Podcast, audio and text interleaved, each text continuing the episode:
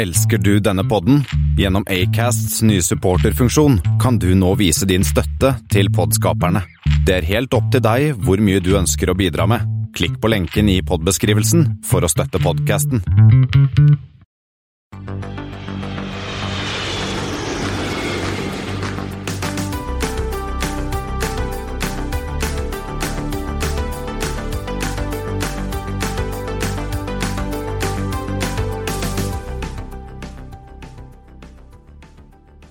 Hei, velkommen til Flypoddens flight 157, som denne gang går full av norsk sjømat fra Oslo lufthavn. Tilbake på hvert vårt hjemmekontor hører du som alltid Espen Næss. og meg, Kristian Kamme. Eh, Espen, hvordan feiret du den store høytiden siden sist? Nei, altså Ikke 17. mai, da, men Kristi himmelfart, som er visst eh, en del politikere mente at vi må feire litt mer. Og feirer vi det? Jo, jeg feiret den i kø på E18. Er det en feiring? Ja, jeg tror, for jeg tror egentlig at måten man skal feire det på, er egentlig å gå i hagesenter. Jeg trodde det var 1. mai, jeg. Og så feil kan man ta. Det er Ja. lett å gå surr i disse greiene. Ja, Nei, så det ble ikke noe himmelfartskalender eller himmelfartstre hos deg?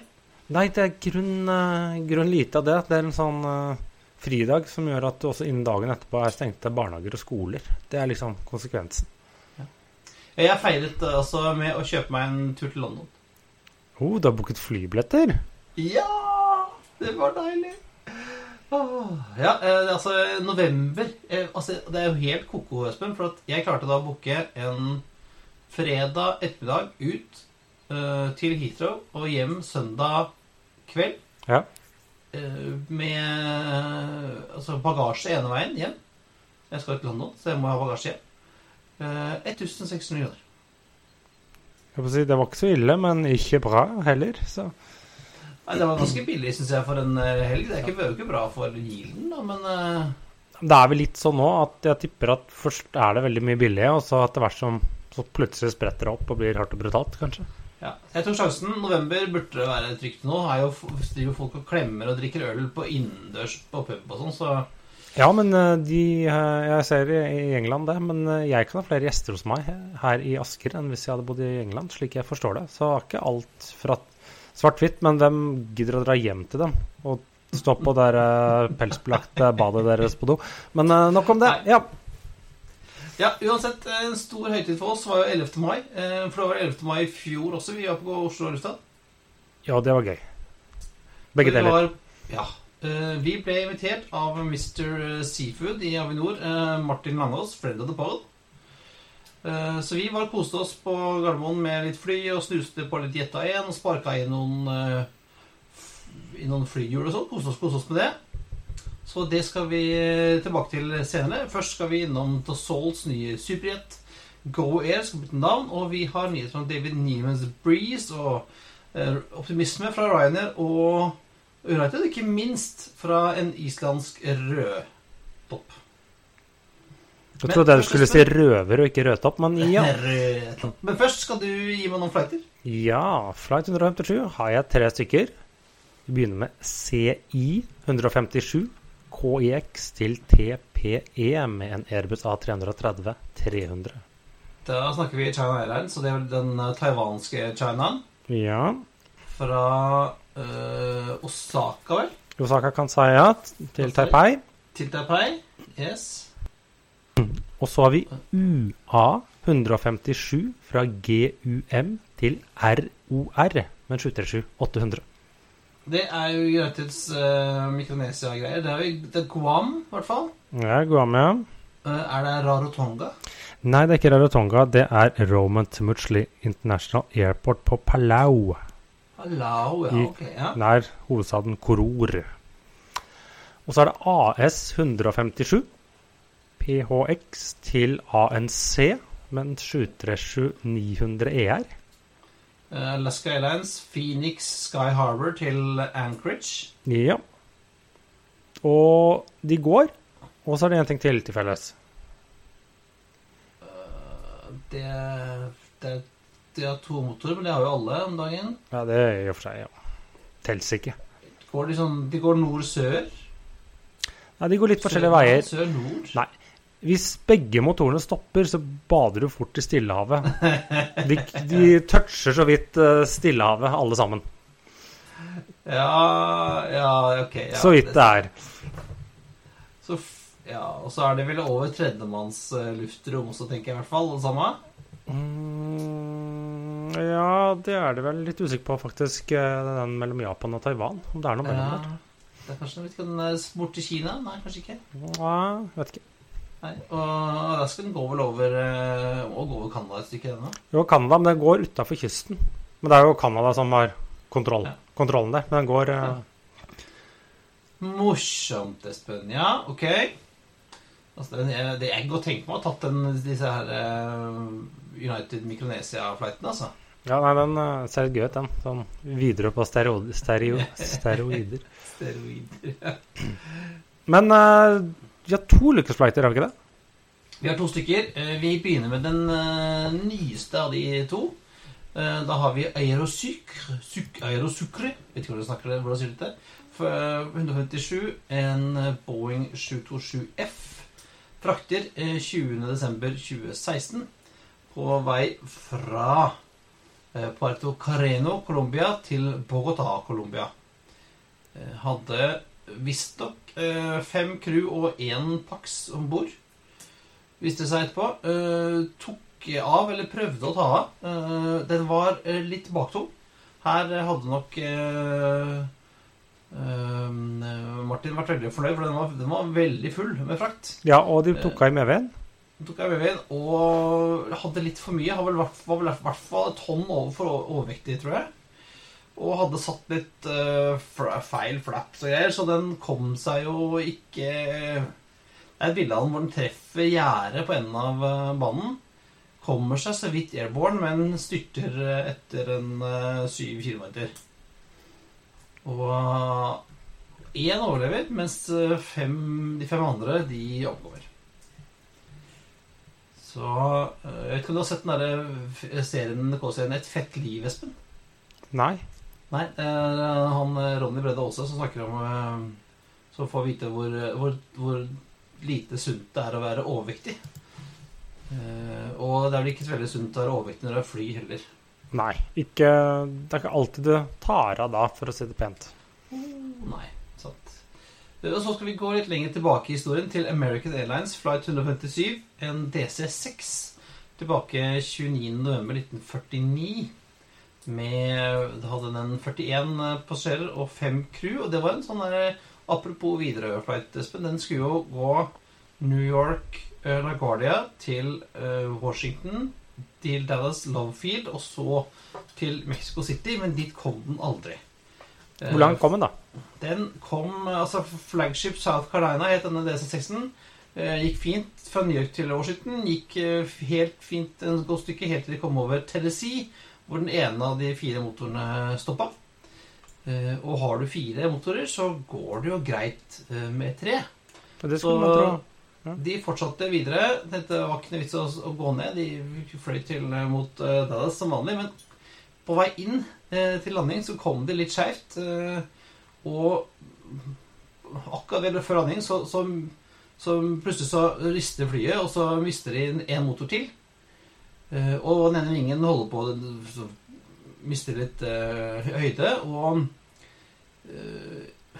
så gjør de mye gærent da, foran der. For at de, kapteinen eh, han eh, gir eh, ordre om å gå, gi full, full pupp for, for å ta en, en go-round. Men med bare to av fire motorer så funka ikke det så bra. Og særlig ikke når co-piloten ikke har justert flapsen. Så de ståler og treffer bakken med halen først.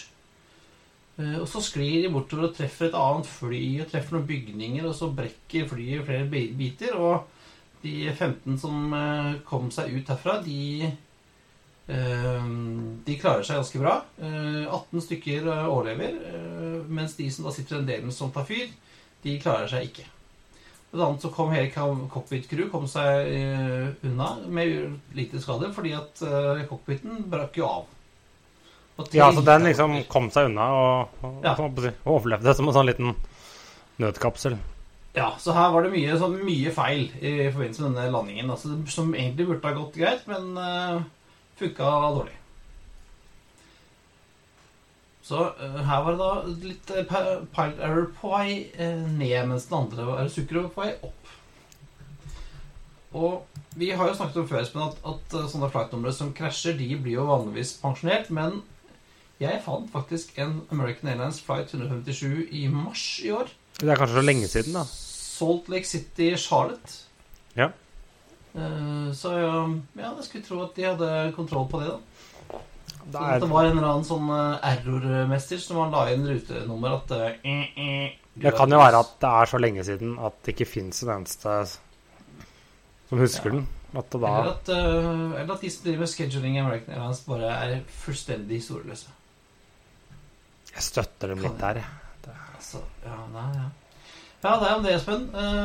men før vi skal til, inn til frakter og sånn, som går bra, så skal vi se på ting som har skjedd i verden. Og du har tatt en kikk på alle passasjertallene for de nordiske flyplassene. Ja, de har jo nå sluppet til Og det ser jo Nei, det ser jo ikke bra ut, men Nei, det ser ut sånn men, Eller det kommer litt an på hvordan du, hvordan du, måler det. Men sammenlignet med måneden før, så opplevde jo faktisk både um, Oslo og Helsinki en nedgang både i det jeg kaller absolutte og relative tall. De fikk sånn 30 000 færre passasjerer. Uh, eh, OSL havna rundt 247 000 og Helsinki rundt 113 000. Uh, det gjør at OSL fortsatt var størst i Norden, men uh, i, mens Arlanda, som hadde 235 000 passerer, eh, de hadde da relativt sett flere passasjerer i april enn OSL. Vil si hvis du sammenligner med 2019-nivå og som, som størrelsen på flyplassene Arlanda hadde da 11,6% av sitt 2019-nivå. Oslo hadde 11% København 7,3 som riktignok er en vekst på 1 prosentpoeng. Helsinki 6,3. Den falt jo, da. De mista jo nesten en fjerdedel av passasjerene sine, i hvert fall 20 Mens uh, Keflavik uh, hadde stusslig 4% av originalpassasjerantallet sitt, men det er riktignok opp uh, 1,1 prosentpoeng. Ja, og Sammenligner du med fjoråret, så er det jo, ser det jo helt koko ut. Ja, du kan si Sammenlignet med mai i fjor, så hadde jo OSL bare en vekst på 105% som den dårligste. Ja, det mens, ja, mens da Arlanda hadde liksom 402, København over 600 Helsinki vokste med over 400% Keflavik 500% så er jo helt sånne helt sånne kokotall. Ja. Men det er vel det at OSL ikke var fullt så gæli i fjor som alle de andre. OSL hadde vel dobbelt så mye passasjerer som de andre omtrent i mai i fjor. Men, nei, unnskyld, april i fjor. Men jeg ser jo at det nå er noen tegn til kanskje litt forbedringer, så man forventer mai blir bedre. Jeg ser man snakket om at nå hadde OSL sånn 75 000 passasjerer i uka eller noe sånt nå. Det er jo fortsatt bitte små nivå, for det var det egentlig var. Men uh, det er jo et tegn på at innenrikstrafikken nå kryper kanskje sakte oppover for Oslo sin del. Ja, og um, for Island så tenker jeg det blir spennende å se utover om de får noe særlig effekt av at de er åpne for bl.a. amerikanere. Ja, for de skulle jo åpne nå rundt starten av mai. Foreløpig så har ikke de, de hatt noen effekt. Men uh, ja, jeg forventer jo at i hvert fall for OSL sin del så var nå da april en slags bunn. Uh, og kanskje for de andre flyplassene òg. Her vil vi se en vekst fremover. Og så er det jo spørsmål om veksttaksten. Det hjelper ikke at det vokser hver måned hvis det så vidt kryper oppover.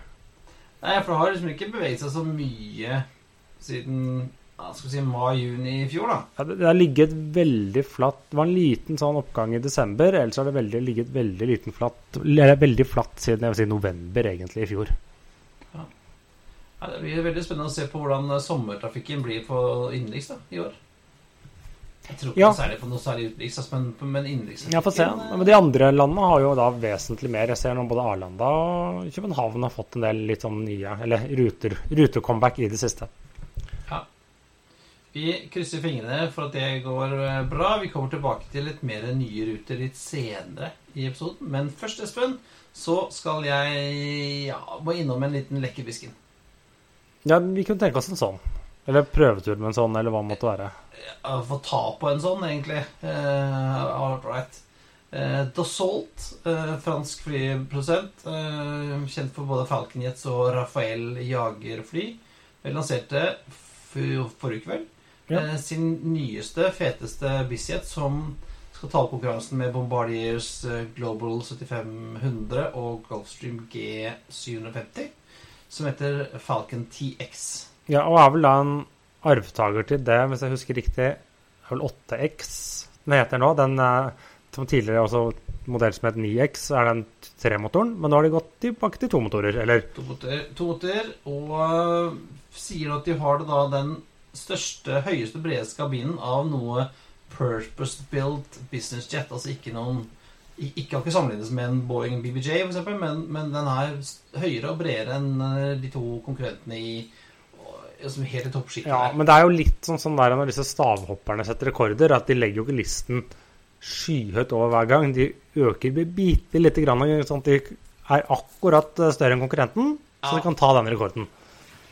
Og og dette er liksom eh, det heftigste av det heftigste når det gjelder business eh, jets. Og der har jo på en måte Bombardier og Gulfstream vært alene lenge. Og har liksom Dassault har ikke klart å, å følge opp med, med andre maskiner før, før nå. Og nå har de jo rekkevidde på ja, er 13 000 km eller noe. 13 900 km.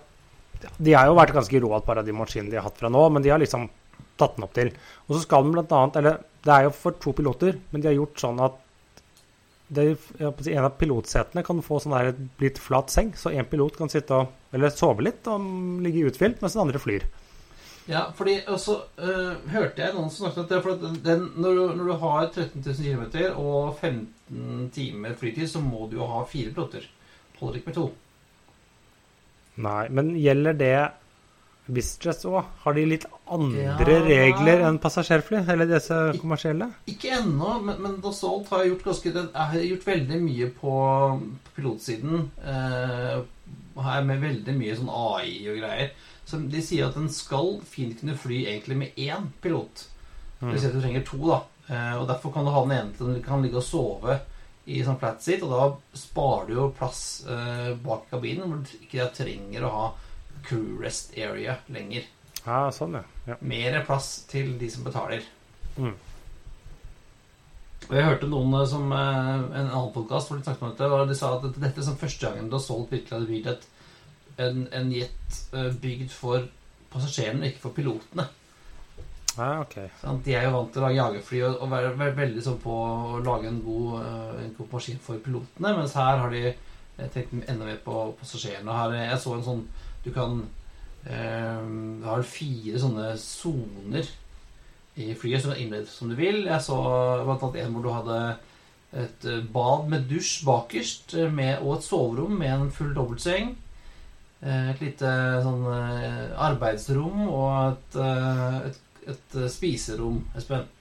Legge til en liten bar, så har man det man trenger. Så kan man bare dra på ferie. Ja, det, det var faktisk eh, De sa at den hadde, den hadde ikke galling, den hadde et kjøkken, den her faktisk.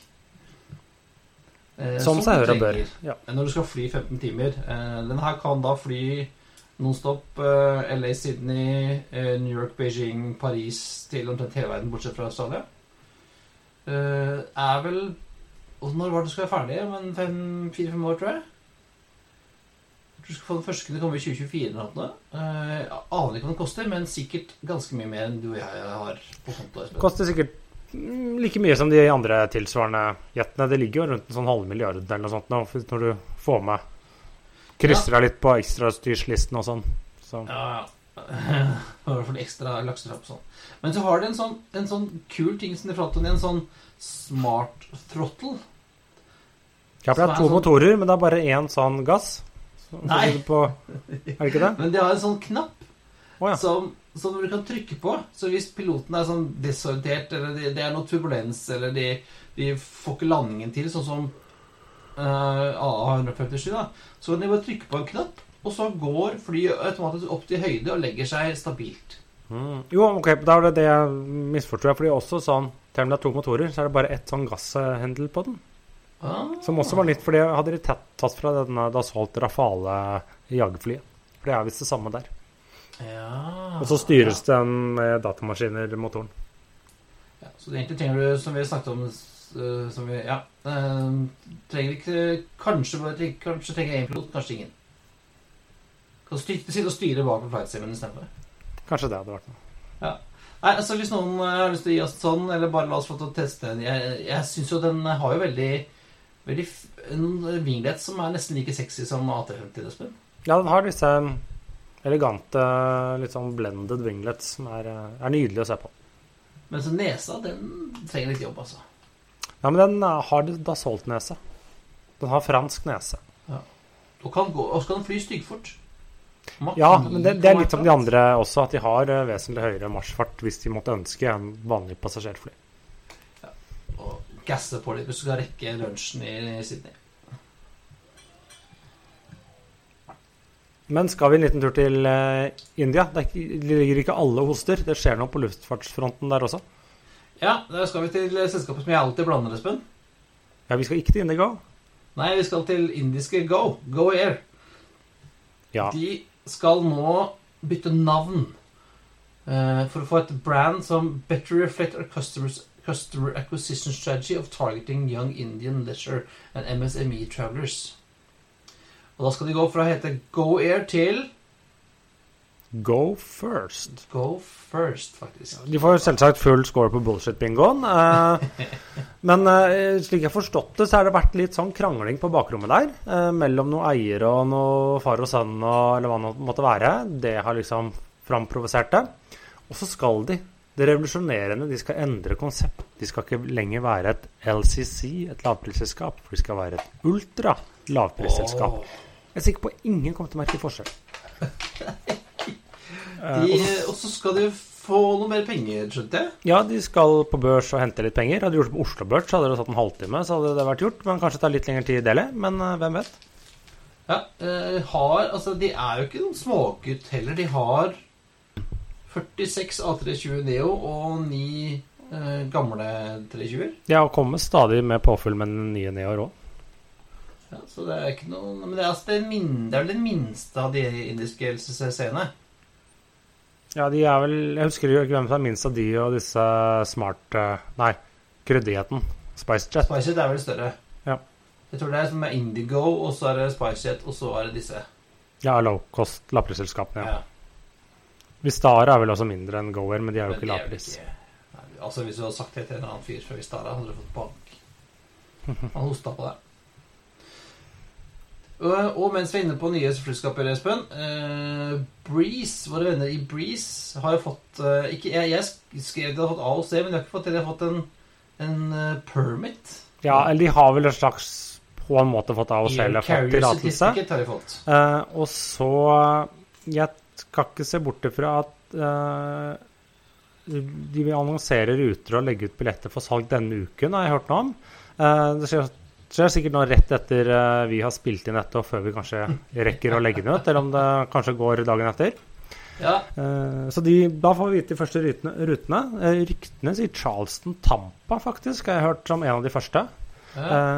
Så har de møtt litt grann sånn motgang nå, fordi at han forsøkte han godeste Neilman, at kabincrew skulle ansettes eh, være sånn studenter ved et eller annet universitet i Salt Lake, men har ikke helt slått an eller helt de bo på hybel og greier. Ja, slik jeg har forstått det. Så det har ikke hjalp ikke Jeg tror ikke de helt har klart det, så vi måtte gå på en eh, plan B der. Nei, og jeg så det, Ifølge denne, denne tillatelsen de har fått da fra Department of Transportation i USA, så har de da fått lov Skal de da fly De har fått lov til å fly på 33 flyplasser i USA. Østlige og sørøstlige USA. Ja, men det, det har de sagt. De skal fly mellom eh, nordøst og sørøst. Det er liksom det de skal starte med. Men jeg sa at ja, de har fått lov til alt å fly på x antall, men det er jo innenriks-USA er det jo sånn semifritt, eller mer eller mindre fritt marked, så det er jo bare en formalitet hvis vi vil fly andre steder. Ja, men de har liksom byer som Orlando, Hartford, Richmond, Daytona Ja. Altså, vi ser hvor de, hvor de flyr. Men noen som allerede flyr og skal fly mer, er United. Nå begynner vi å nærme oss gamle dager. I hvert fall innenriks for dem. Ja, de har nå veldig tro på at sommeren kommer eh, med masse reiser, og de har nå lansert 400, en økning på 400 daglige flights fra juli. Ja, og det Eh. tilsvarer 80% av prepandemikapasitet. Ja. eh, sier nå at de har 219% økning i bookinger for bookings. Mye innenriks, eh, selvfølgelig, men også noe internasjonalt. Vi har jo Det er vel mest Karibia og kanskje Mellom-Amerika? Ja, Hellas og ja, Hellas og Kroatia, ja, som alle andre. Ja. på. eh, og Island, da. Så det, vi har sånn tro på at, at det kommer. Eh, og selv om du er tilbake på 80 på pandemi- på kanta pre-pandemikapasitet, så spørs det sånn De har vel en, en, en tanke om at de kommer til å fylle av de setene også. Nå flyr jo de rundt med ganske mye tomme seter. Ja, så det hjelper jo ikke bare å øke på hvis ikke du får, får solgt det. Men uh, litt på hjemlige trakter. Ryanair gjorde jo heller ikke så bra i 2020. De avsluttet jo nå sitt regnskapsår og tapte litt over eh, 8 milliarder kroner, som kanskje for å være et flyselskap ikke var så ille.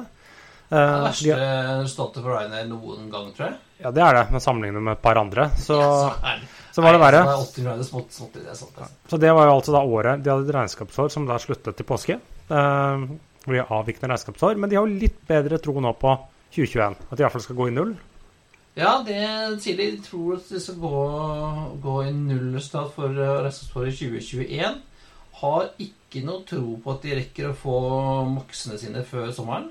Nei, ja, ikke denne, men de sier jo nå at uh, de forventer å få, klare å få 60 maksfly av denne maks 200, eller hva man skal kalle den, kalle den uh, innen neste sommer. Få levert de.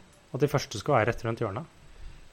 Ja, og regner med å liksom fullt, være fullt tilbake igjen i 2023. Og da regner vi med å ha 150 millioner passasjerer i det regnskapsåret 2023. da. Ja, de var jo fort på vei der før. Men så Det var jo hvordan 149 millioner hadde de da før eh, pandemien. Ja. Så skal vi se når vi treffer 200 millioner, da. Noen som ikke får 200 millioner passasjerer neste år, selv om de skal begynne å fly, hvem er det? Det er våre røde venner fra Island. Play. Ja, de la ut billettsalg var det i går eller i dag. Så de første 1, 2, 3, 4, 5, 6, 7 rutene deres er annonsert. Eh, det er en litt sånn god miks. Du har Alicante, Barcelona og Tenerife som starter i løpet av sommeren. To ganger ukentlig. Så dette er jo De er jo islendinger, skal på ferie. Ja. Den. Og så er det en god miks. Du har da København, London Stansted og Paris Charles de Gaulle og Berlin. De er alle fire ganger ukentlig, så da blir det sånn sikkert en god miks av innkomne turister og islendinger på Storbyviken og tur. Og fikk vel AOC sitt nå også. Ja, det var da De la ut disse billettene dagen etter de fikk AOC, eller noe sånt. Første fly er i malerhangaren i Houston, visstnok. Og jeg håper eh, De tegningene vi har sett, så er jo hele flyet rødt, også vingene. Jeg håper at de kjører full red, altså. Ja, Det blir spennende å se, men nå er det vel et eller annet at de vingene ikke kan males helt. Det har man jo sett på andre. Ja, Airbus eh, sine vinger kan i hvert fall ikke helmales. det er, det er jo trist. Nei, det er juks. Eh, da kan det være.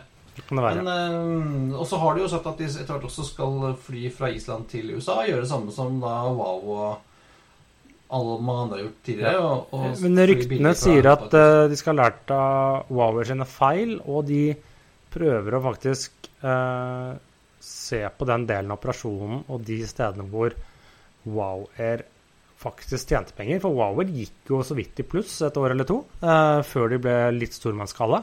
Og jeg tror at de her, noen her har klart å smugle med seg passasjertall og markedsdata ut fra Wower-konkursboet, som noen sitter og studerer på når de plukker ruter. Jo, men dette var vel mange av de samme gutta, var det ikke det? Ja, nettopp. Så det, da kan det at noe havna i Dropbox-kontoen til noen av de før de måtte slutte. Helt tilfeldigvis. Skal ikke se bort fra det at noen eller noen printer som bare datt ned i en sekk eller noe. Etter. Men eh, skal vi gå og lukte på litt fisk og jetfuel? Eh, det gjør vi. Vi setter over til eh, Jeg setter over til, eh, til deg og meg på Gardermoen, Espen. Ja.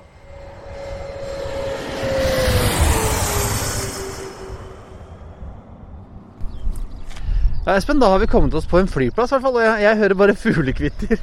Ja, nå står vi midt ute på ja, en taxibane ved på Oslo lufthavn. Og vi hører fuglekvitter og ikke så mye flytrafikk foreløpig. Men eh, vi er i hvert fall her for å se på noen fraktere. Så i den eh, anledning så har vi jo da med oss eh, Martin Langås.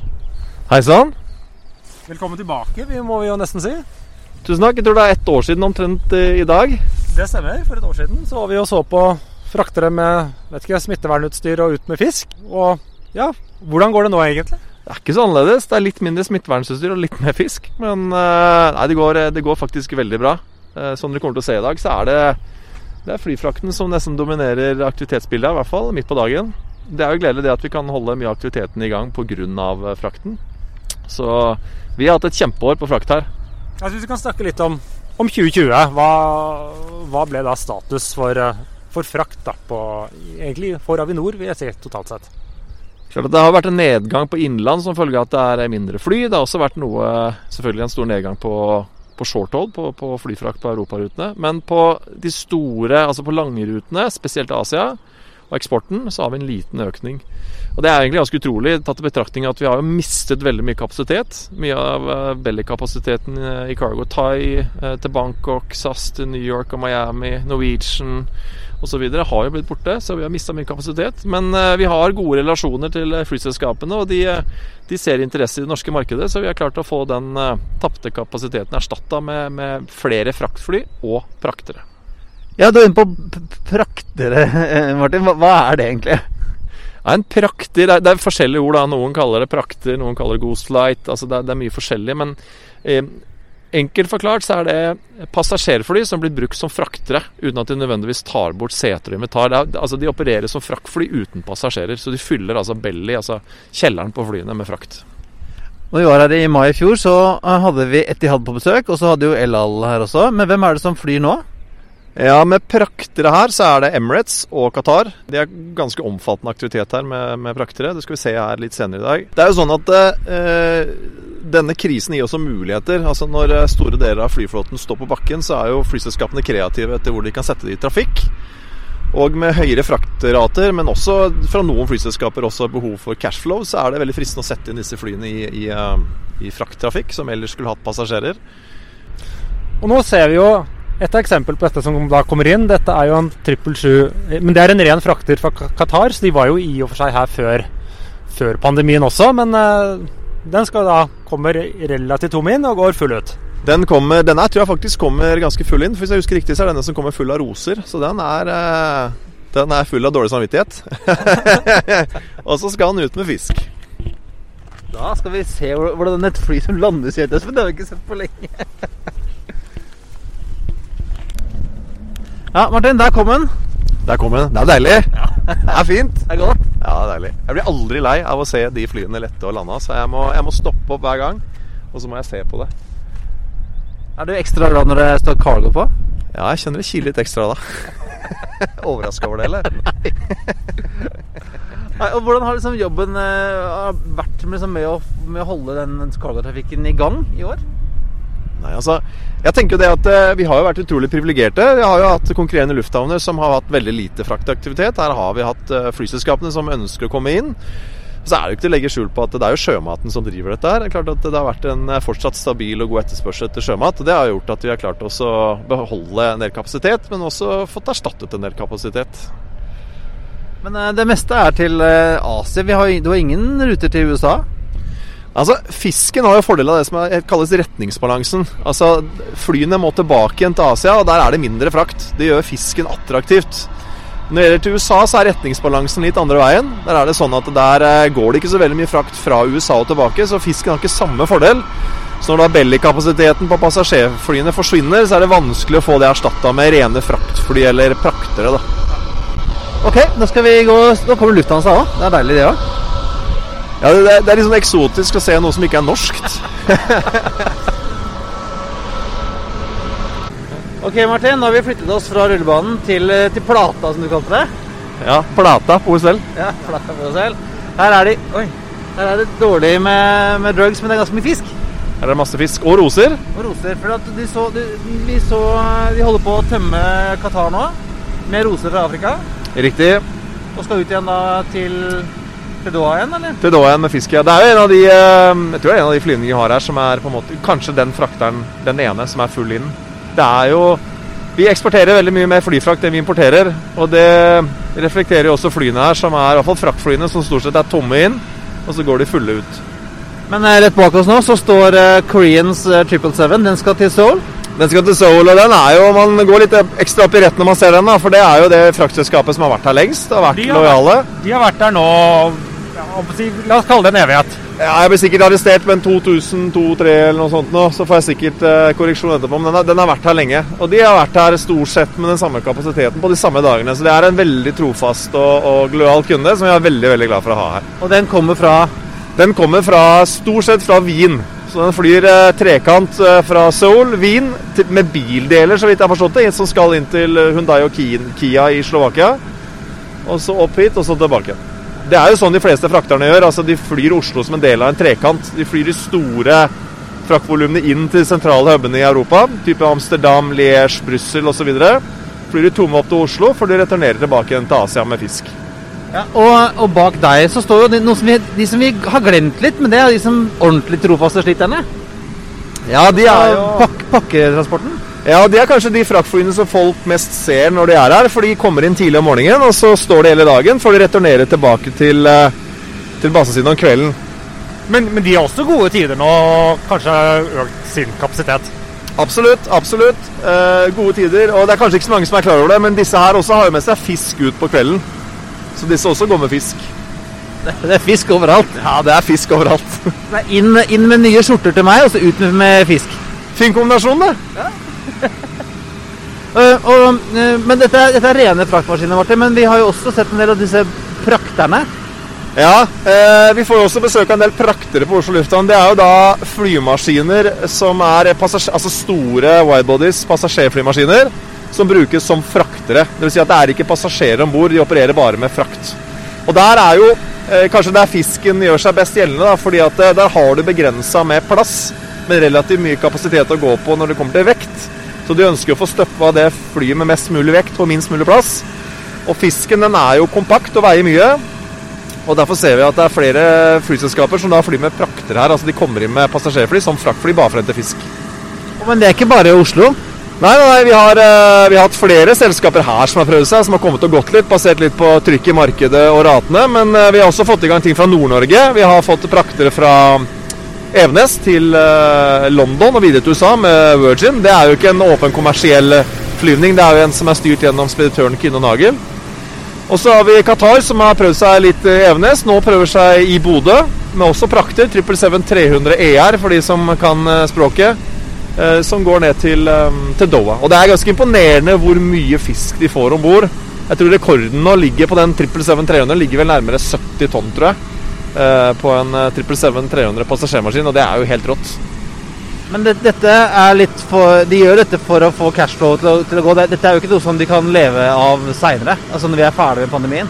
Altså Jeg skal ikke uttale meg i forhold til flyselskapenes økonomi der, men jeg er klart at sånn på generell basis så han- er dette det er sammensatt. Eh, Flyselskapene har kostnader med å ha flyene stående på bakken, med å ha, må ha personell, flyende personell i simulator osv. Og så er det også tilgang på cashflow. Men for Norge så har det jo vært en eh, kjempefordel, fordi at vi har jo for det første på Oslo lufthavn klart å erstatte mye av den tapte kapasiteten med flere fraktere og praktere. Og så gir det også muligheten for å kunne prøve nye ruter, også da fra Nord-Norge, da, ved at flyselskapene er litt mer kreative og mer eh, åpne for hvilke markeder de ønsker å teste og gå inn i. Så for f.eks.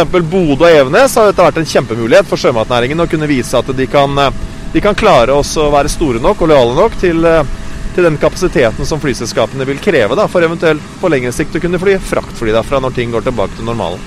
Ja, eller en kombo. Eller en kombo, ja. Jeg, jeg tror nok eh, løsningen for sjømaten generelt eh, i noe ligger nok, tror jeg, i dedikerte fraktfly. Eh, det er store nok volumer der, eh, men det er et tradingmarked. Det er eh, et eh, til tider ganske rått konkurransebilde i Europa som gjør at eh, det er veldig forskjellige flyfrakkeratene som tilbys i markedet. Og skal man få til noe fra Nord-Norge, så må nok næringen akseptere at det er, det er noe dyrere å sende ut derfra. Og får man den eh, aksepten og den forventningen nå i markedet basert på at man får prøvd markedet med fraktere, så tror jeg at man kanskje kan få til fraktere etter hvert også. Det er dagens oppfordring der, egentlig. Dagens oppfordring betal det det koster, så får vi fly. Men skal vi, Espen, skal vi stikke bort og, og sparke litt om dekk, eller? Vi må det. Vi har ikke tatt på et fly ennå i dag. Vi har ikke tatt på et fly på lenge. Vi går og koser litt. Ja.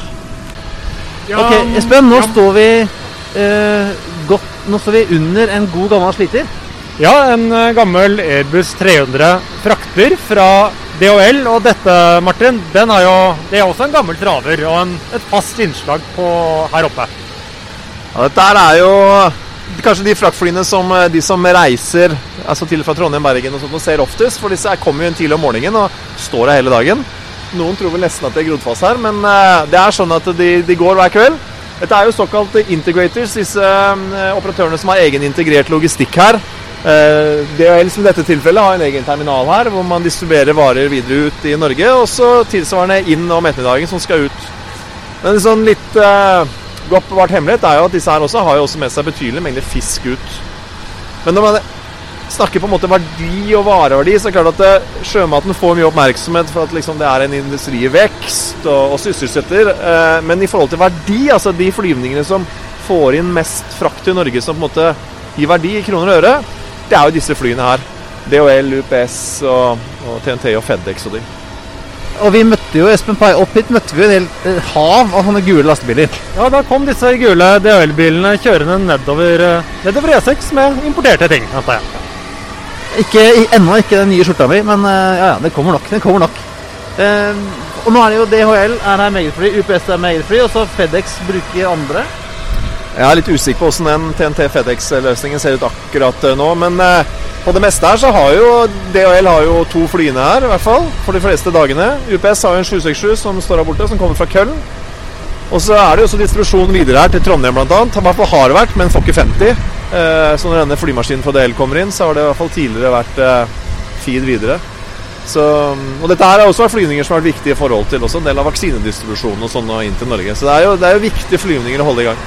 Ja, det er ganske morsomt Espen, å se sånn på kvelden eh, og kikke på Flight Radio 24 og se alle de gule DHL-flyene som går inn fra Liège og, og Leipzig og sånn inn til eh, alle byer nordover. Ja, det ser man at eh, passasjertrafikken liksom går litt nedover utover kvelden, så plutselig dukker da FedEx, DHL, UPS-flyene opp på radaren.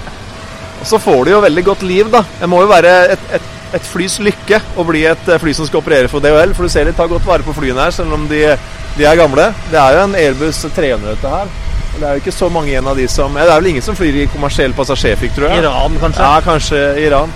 Men eh, du ser jo, den ser jo forbausende frisk og, og fin ut. Så Veldig, veldig godt tatt vare på. godt tatt vare på. Det liker vi. Ja, Martin, nå har vi jo fått en liten innføring i hvordan 2020 var, og hva som har, har skjedd. Eh, Hvordan ser du på framtiden for flyfrakt eh, ut fra Norge? Ja, Den som visste det. Du det? Nei, På kort sikt så tror jeg vi får et lite dipp i kapasitetsbildet. fordi at eh, vi forventer at disse prakterne, altså disse pass passasjerflyene som brukes som fraktere, blir tatt ut av markedet. Men utover det så ser vi jo det at flyfrakten er jo vekst. Eh, som forbruker så har vi større og større forventninger til rask levering. Så man ser også de store logistikkaktørene de, eh, de eh, får jo mer og mer effektiv logistikk, hvor flyfrakten blir en stadig større del av det. E-handel og den type ting. Så vi tror på en fortsatt vekst, vekst. Men det er jo ikke noe tvil om at det er jo sjømaten som på en måte styrer kapasitetsbildet her, og det vi klarer å realisere av i hvert fall fraktfly. Så der er det optimisme. Man forventer at det skal eksporteres mer sjømat, og der skal vi gjøre vårt for å legge til rette for at eh, vi får relevant kapasitet til de markedene som er eh, store for eh, innen norsk sjømateksport. Satser på at det blir bra, et bra 2021 og 2022 også, da, Martin.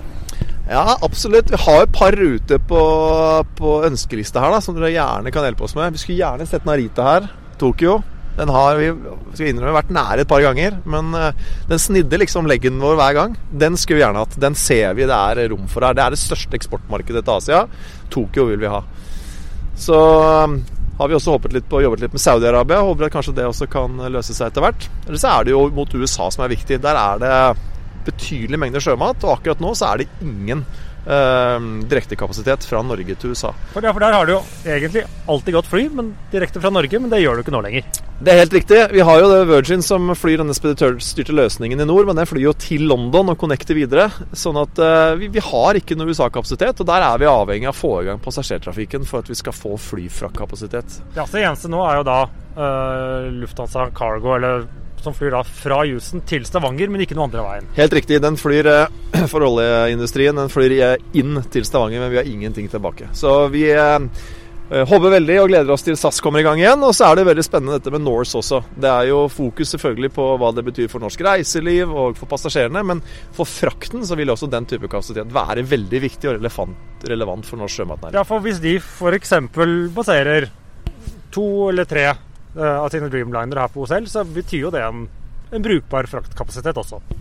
Absolutt. Og det tror jeg gjelder eh, både SAS og Norse eller andre. Altså Det vi kan få av USA-kapasitet, det er jeg ganske sikker på vil være relevant for, eh, for flyfraktnæringen her. Og vi klarer å fylle det meste.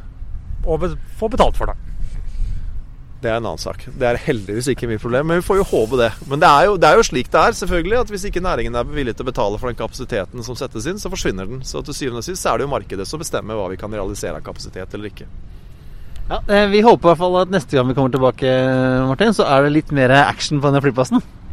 Ja, har, eh, nå, har vi, nå, har vi, spilt inn ganske mange episoder. Jeg kan aldri huske at vi har gjort det så uavbrutt. For vanligvis har det kommet noe fly eller noe støy som har gjort at de måtte stoppe opp. Men det er stort sett bare fraktflyene på vestsiden i dag som, uh, som, lager støy. Og selv om det er mange av dem, så er det jo litt avstand, sånn at vi får pratet.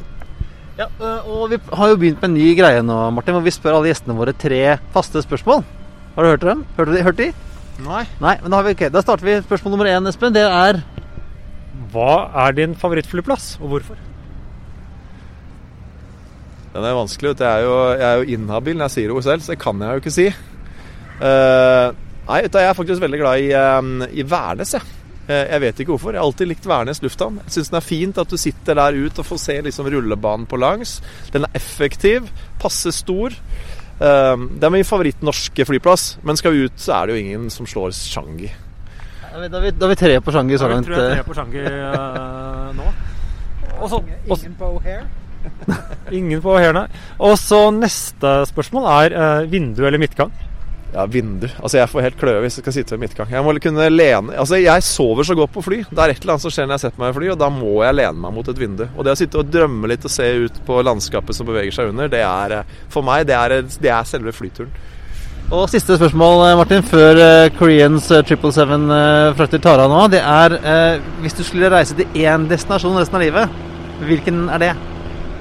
Skulle sagt Enebakk hvor jeg bor, da. Det, men der er det ikke flyplass. Hadde jeg vært i Nord-Norge, så hadde jeg sikkert hatt kortbane, for vi har nok folk til det. Nei, eh, hvis jeg skulle reise til et sted Nei, Italia. Ja, for der har du en egen pizza på ditt navn, har du ikke det? Ja, jeg har faktisk en egen eh, laksepizza der, helt riktig. I den lille byen hvor jeg har et lite sommersted. Så det må bli Italia, ja. Takk for det, Martin. Da skal vi nyte synet av en rimelig fullasta 777 uh, her nå. Ja, det er sånn Man håper alltid at den bruker mye bane, for da er den full. Tusen takk, Martin. Bare hyggelig. Takk for at jeg fikk være med.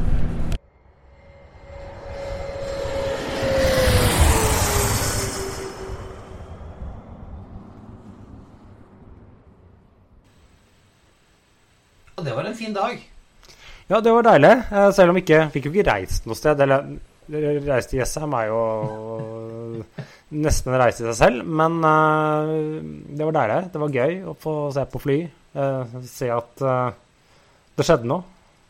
Ja, og vi, vi fikk jo til vært en tur inn i terminalen. Spist pizza. Latt som vi, vi var på, tur. Ja, det var jo i forrige episode vi da spilte inn på Peppes Pizza på, på Gardermoen.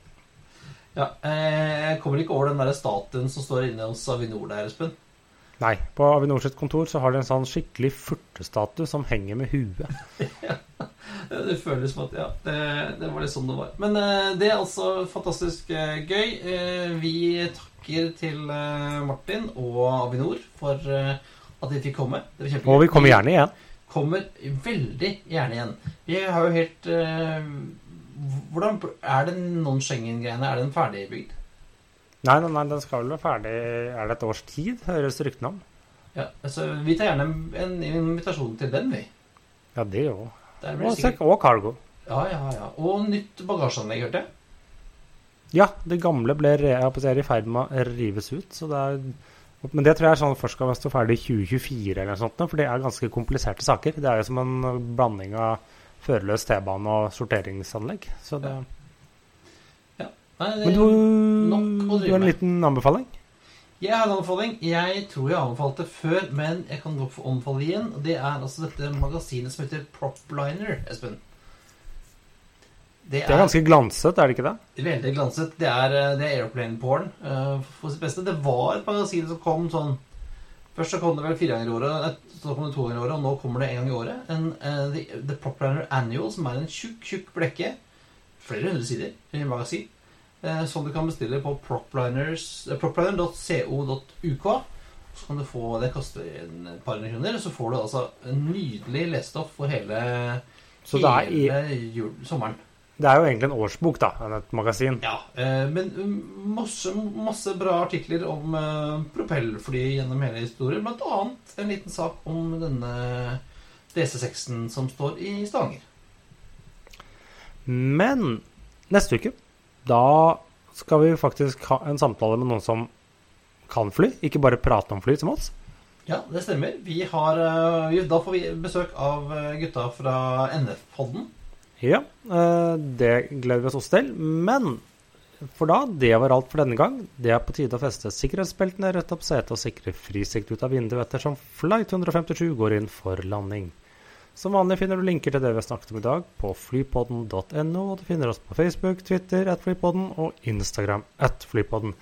Har du spørsmål, vil du invitere oss på tur, eller er det noe du lurer på vi skal ta opp, eller et eller annet sånt noe, er det bare å sende en mail til hallo at flypodden.no.